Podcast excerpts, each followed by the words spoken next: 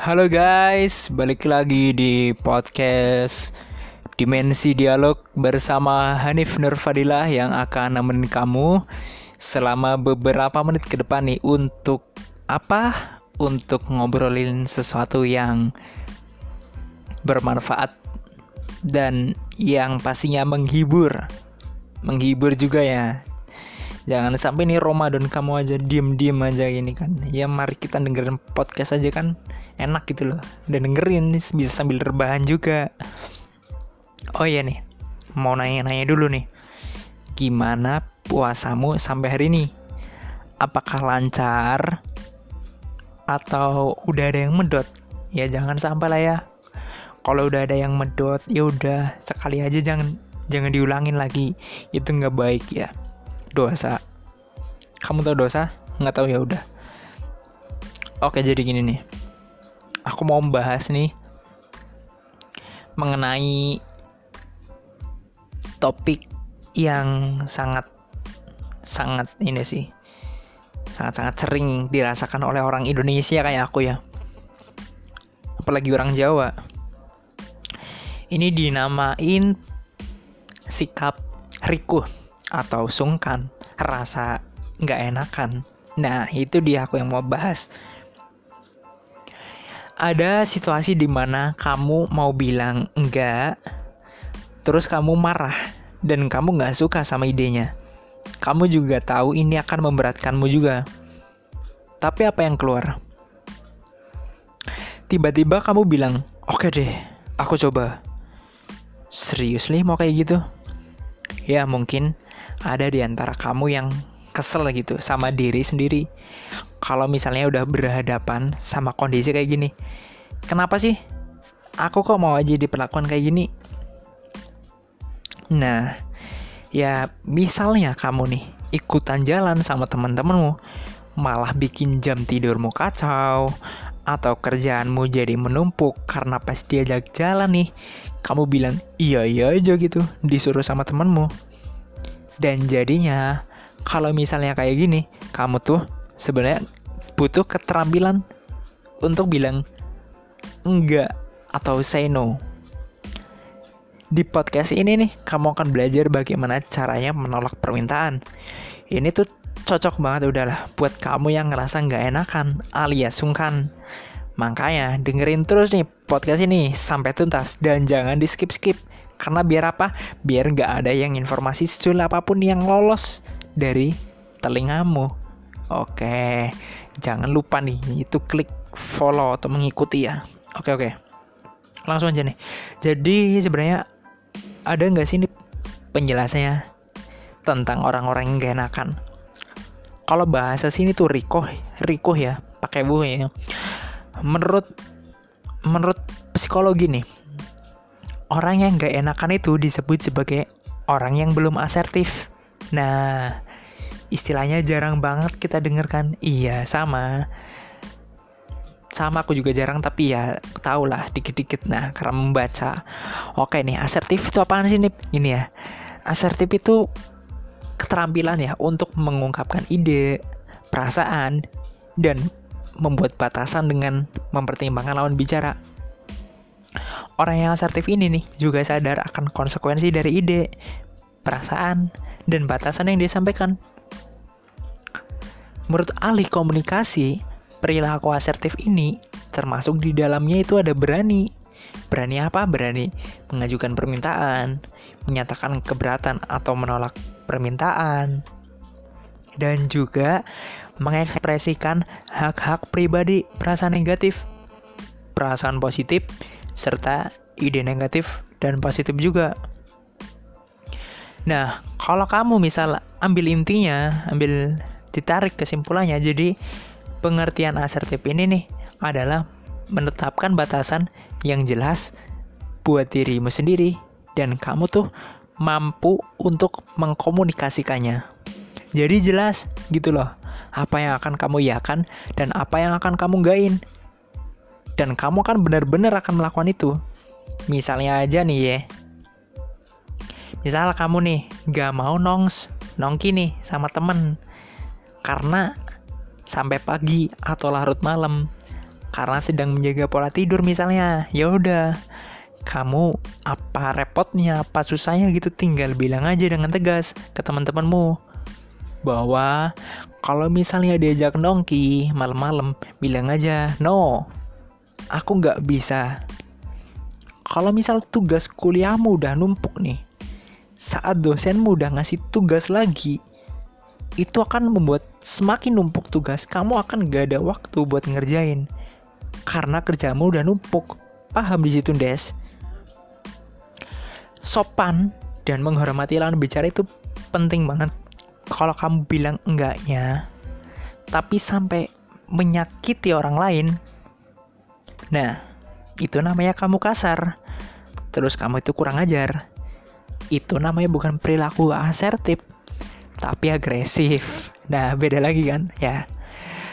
Untuk jadi asertif emang tuh biasanya nih salah satu tanda yang paling gede adalah ketika kamu ngerasain nggak enakan atau riku atau sungkan istilahnya lah itu seputar itu jadi orang yang nggak enakan itu udah nggak bisa dipungkirin lagi.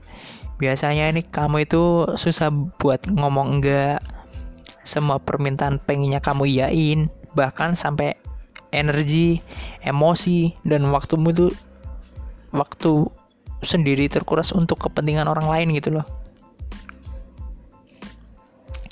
Dan ya masalahnya adalah ketika kepentingan untuk diri sendiri itu jadi lupa aliasnya terbengkelai. Nah, habis ini nih aku akan sedikit berbagi cerita kenapa kamu harus mulai belajar bilang enggak. Yang pertama nih, mampu menolak permintaan orang lain, kamu jadi punya kontrol akan hidupmu sendiri. Kalau menurut aku nih, berani bilang enggak itu bisa nunjukin kamu bisa memegang kendalinya atau kemudi bilang enggak itu nunjukin kalau misalnya kamu yang memegang kemudi, kamu yang megang kehidupanmu sendiri gitu. Perasaan megang kendali ini bisa memberikan perasaan berdaya, perasaan mampu.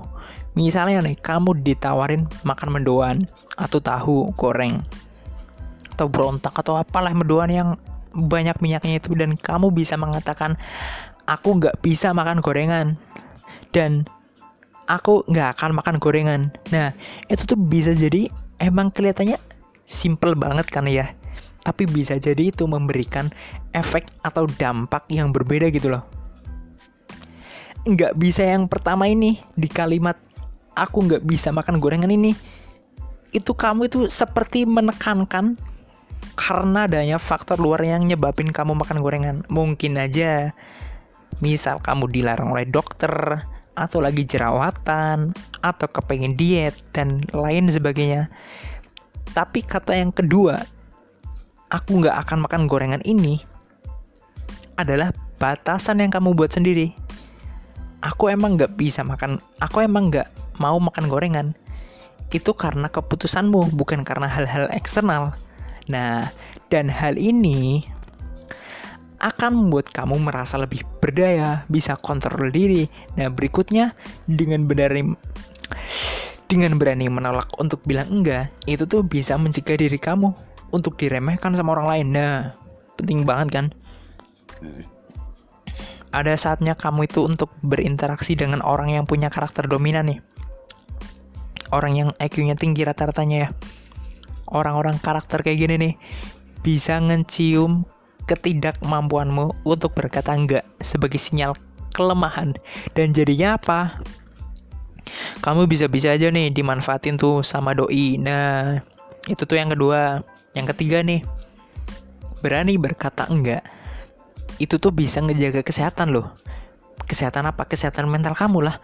Sebuah penelitian yang melibatkan ratusan mahasiswa nih nunjukin semakin tinggi keterampilan asertifnya, semakin baik nih status kesehatan mentalnya. Oke, oke. Itu tadi kenapa kamu harus lebih banyak berkata tidak. Mulai sekarang dibandingin berkata iya. Oke, oke. Terus gimana sih supaya kamu tuh berani berkata enggak untuk menolak permintaan nih? Oke, oke. ketika kamu nih dihadapin di sebuah situasi berupa ajakan, permintaan, tuntutan untuk membuat keputusan, kamu akan punya dua pilihan jawaban. Dua pilihan itu adalah it's only yes or no. Nah, coba pakai dulu sama suara hatimu sendiri nih. Ikutin apa kata intuisimu. Intuisi itu kata hati kalau belum tahu nih. Nah, kamu mau jawab iya atau enggak untuk untuk uh, untuk ajakan lah, untuk ajakan permintaan temanmu gitu. Kenapa sih nih harus ikutin intuisimu atau kata hatimu? Nah, karena apa pun yang dikatakan oleh intuisi atau kata hatimu, itu tuh biasanya bertujuan untuk menjaga kamu. Cie, dijaga. Kalau misalnya ikutin kata hati ini, ini bermanfaat tuh menjauhkan kamu dari stres. Oke. Contoh aja gini nih, simple simple. Kita buat yang simple aja ya. Misalnya kalau kamu dapat ajakan nongki nongki bro di malam malam apa ya malam Senin deh. Malam Senin kan besoknya Senin nah dan kamu tahu ini akan sampai malam banget dan besoknya kamu harus kuliah. Ada juga yang harus kerja. Dan sebenarnya hari ini kamu lagi capek atau mungkin lagi bokeh kamu bisa jadi rentan sakit nih kalau kayak gini. Nah kalau misalnya kamu nggak ngikutin kata hatimu atau intuisimu ya yang ada otomatis bilang enggak biasanya. Kalau misal kondisinya udah kayak gini dan kamu ujungnya tetap menerima ajakan ini yang ada gimana sekarang coba? Kamu bisa sakit beneran kamu mungkin tambah bokeh. Mungkin malahnya kamu besok izin kuliahnya padahal nih dibandingin dengan temanmu itu dan kuliahmu misal kamu lebih menghargai tentang kuliah atau pekerjaan kalau misal kayak gitu tuh lebih pertimbangkan dulu lah sebelum mengambil keputusan. Daripada mengiyakan semua kan nggak baik gitu gitu. Oke oke. Aku lanjutin. Yang kedua nih kalau misalnya kamu membuat batasan untuk diri kamu sendiri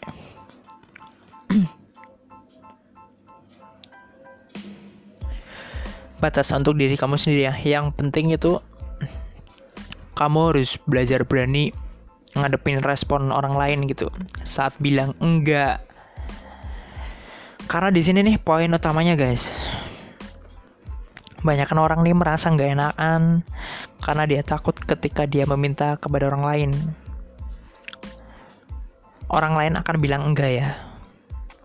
Padahal semua orang punya kehidupannya sendiri loh semua orang juga punya prioritasnya masing-masing. Kamu nggak bisa berharap gitu semua orang terus berkata iya ke kamu. Jadi emang ya intinya kamu intinya kamu itu harus sadar bahwa bagaimanapun kamu mencoba untuk baik akan selalu ada momen di mana orang akan bilang enggak sama kamu. Orang akan menolakmu itu pasti dan itu tuh nggak bisa dihindarin dan apa yang harus kita lakukan ya kamu belajar buat mengerti sob kamu coba deh untuk menoleransi respon orang lain atas penolakan. Nah, oke, okay. paham belum? Langsung ya, caranya berikut. Hal yang disinggung berikutnya itu cara ningkatin self care atau peduli sama diri kita. Self care ini nggak cuman katanya kayak makan makan yang sehat gitu, rutin olahraga, tapi termasuk menjaga diri kamu dari stres, melibatkan dirimu dengan hal-hal yang emang menyenangkan buat kamu, terus kamu enjoy menjalaninya. Dan masalahnya, ketika kamu selalu bilang iya ke orang lain, kesempatanmu untuk mendatangkan kesenangan dari hal-hal yang emang sebenarnya senang itu berkurang karena kamu ngikutin orang lain. Karena bukan ngikutin apa kata hatimu, bukan ngikutin keinginanmu sendiri. Nah, kalau misalnya sama oke okay lah. Nah, kalau misalnya beda gimana coba? Susah juga kan, iya kan? Misalnya nih, kamu terus-terusan mengiyakan ajakan temanmu, permintaan temanmu. Sampai kamu nggak punya waktu buat keluarga. Apa itu artinya yang dinamakan menjaga diri sendiri? Ya jelas enggak lah. Kecuali emang kamu sama temenmu itu saling pengertian. Terus kamu punya tujuan yang sama sama dia. Terus kamu juga ngehargai dia sebagai sahabatmu. It's fine, it's fine. Kalau misalnya kayak gitu ya bagus lah. Tapi nih, kalau misalnya enggak deket banget nih, ya kamu harus berani dong buat bilang enggak. Oke, itu tips yang ketiga ya. Sekarang tips yang keempat ya. Belajarlah bilang enggak untuk hal-hal yang kecil dulu. Bilang aja nih, enggak. Kalau misal kondisi ini nih, kamu jangan mau jadi orang atau cowok yang yes man yes man apa? Yes man itu bisa diartikan sebagai cowok yang apa-apanya serba iya gitu loh. Sekali-kali deh. Kau nolak. Ya walaupun itu susah. Apalagi kalau misalnya kamu harus bilang enggak gitu. Di hal-hal yang gede orang orang yang statusnya sangat signifikan. Kayak misal pacar. Uh kalau kamu yang budak cinta ini kalau buat nolak permintaan ini susah. Karena udah ngebucin ya. Namanya bucin pasti ya apa yang pacarnya minta selalu diturutin. Nah gitu kan. Pasti logikanya gitu. Mungkin dari orang tuamu atau bosmu atau mungkin lain-lain lah. Nah kalau misal kayak gitu emang kamu harus cepat sadar dan kamu harus mulai dari hal yang kecil. Milih situasi gitu yang nggak terlalu signifikan. Sebenarnya buat belajar bilang enggak. Misal kamu bilang enggak dulu atau nanti deh mbak. Ya kamu coba deh ganti kata-kata itu dengan tidak mbak. Sorry. Makasih ya. Udah kayak gitu doang. Mulailah gitu loh dari hal-hal yang kecil. Nanti kamu akan notice deh percaya bahwa kemampuanmu untuk bilang enggak dan rasa enggak enak yang akan muncul setelahnya itu akan sangat-sangat berkurang. So kenapa skill ini sangat penting? Karena bilang enggak ini akan lebih menjaga sama dirimu sendiri dari dimanfaatkan sama orang lain. Aku nggak bilang ya kalau orang lain itu jahat tapi aku yakin selalu ada. Dengerin nih akan selalu ada orang yang mencari celah untuk memanfaatkan dirimu sendiri. Kayak lagunya Young Lex teman palsu. Pasti ada kayak gitu. Rasanya ingin misuh ke orang itu ya tapi berat gitu. Dan itu adalah hal terakhir yang kita mau. Hal terakhir yang kamu mau di dunia ini. Maksudnya gimana? Maksudnya adalah bener-bener hal yang kamu gak mau adalah saat kamu nih satu dimanfaatin sama orang lain yang hanya peduli atas dirinya sendiri. Dua, kamu ngelakuin segala hal untuk orang tersebut sampai kamu membebani dirimu sendiri, menyusahkan dewek loh. Bebani awak dewek ya. Meninggalkan hal-hal yang senang, meninggalkan hobimu. Bisa-bisa aja kamu nurutin permintaan pacar, terus hobimu kehalang, kan kayak gitu. Dan ninggalin pengembangan terhadap dirimu sendiri. Jadi, mulai dari sekarang belajar untuk berkata enggak. Kesimpulannya nih dari aku nih, mengenal dan berani netepin batas sendiri emang sih penuh dengan tantangan. Buat kamu emang yang udah biasa banget terlalu baik sama orang dan selalu ngomong iya di segala situasi tapi berkata enggak itu patut dan harus dicoba sih benar karena akan membuat hidupmu itu rileks dan jauh dari rasa stres ya. Aku ada sedikit cerita mengenai rasa nggak enakan yang pernah aku alami sebelumnya nih. Suatu saat ya, ini aku nggak akan sebut nama karena kalau sebut nama orangnya bakal ngerasa anjir. Kalau misalnya dengerin. Aku lagi latihan musik nih di rumahnya temanku Nah kebetulan tuh pada saat lagi jeda atau berhenti sejenak, ibunya temanku tuh barusan keluar ke mana gitu. Dan pulang-pulang bawa sate kambing. Nah, Berhubung aku anaknya nggak suka daging sapi dan kambing ya, saat ditawarin mau seenak apa pun masakannya, aku tetap gak masuk. Tapi aku coba ngehargai kok apa yang telah ditawarkan. Karena pada saat itu rasa nggak enakanku tuh masih ada, alias rikuhku masih tinggi. Kemudian kakaknya temanku ini nih, nyariin aku untuk makan. Karena teman-teman yang lain udah pada ikutan makan. Daripada aku gabut, daripada nganggur ya udahlah, aku nyobain. Nggak apa-apa sekali-kali makan sate kambing. Awalnya nggak suka kambing itu dan sapi itu kar dulu itu aku suka banget waktu kecil. Tapi frekuensi makan kambing sama daging dan lain-lain gitulah. Itu cepet banget tuh jadinya bosen. Nah suatu saat bener-bener bosen dan gak mau pengen lagi. Nah saat aku makan bener yang aku rasain nih ternyata banyak orang sih yang anggap rasanya enak tapi di aku agak sedikit janggal. Aku berusaha untuk masukin itu makanan pelan-pelan sampai ke tenggorokan. Pelan-pelan banget yang penting jangan mencurigakan lah kalau aku nggak suka. Aku ngelakuin itu tuh sebenarnya tuh atas dasar ngehargai apa yang udah ditawarkan oleh orang lain. Seharusnya aku berani bilang enggak waktu itu. Tapi belum belajar lah belum belum saatnya gitu. Ya bukannya tidak bersyukur atas datangnya rezeki kepadaku namanya aja nggak suka ya bagaimanapun caranya. Sama aja nggak akan masuk. Nah jadi itu tuh cerita singkatku mengenai rasa nggak enakan. Ternyata rasa nggak enakan itu ya nggak enak kan? Ya udahlah jika capek. Udah capek nih. Jika kalian merasa suka dengan podcast ini silahkan follow akun ini agar Anip semakin semangat ya dalam membuat konten-konten yang bermanfaat dan ngehibur walaupun receh buat kalian para pendengar dan untuk jangan lupa untuk jadi pendengar yang bijaksana. Silakan jika mau ada saran bisa. Masukan juga boleh komentar boleh bahkan kritikan juga boleh. Dengan senang hati ya. Menerima masuk masukan dari temen semua agar podcast ini makin hari makin baik. Terus bagi kalian yang penasaran bisa banget bisa banget ya.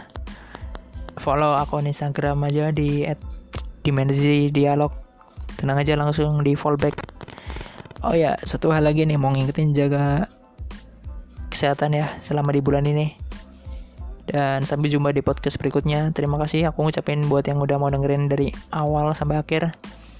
Aku Hanif Nur Fadila dari Dimensi Dialog, pamit undur diri. Bye.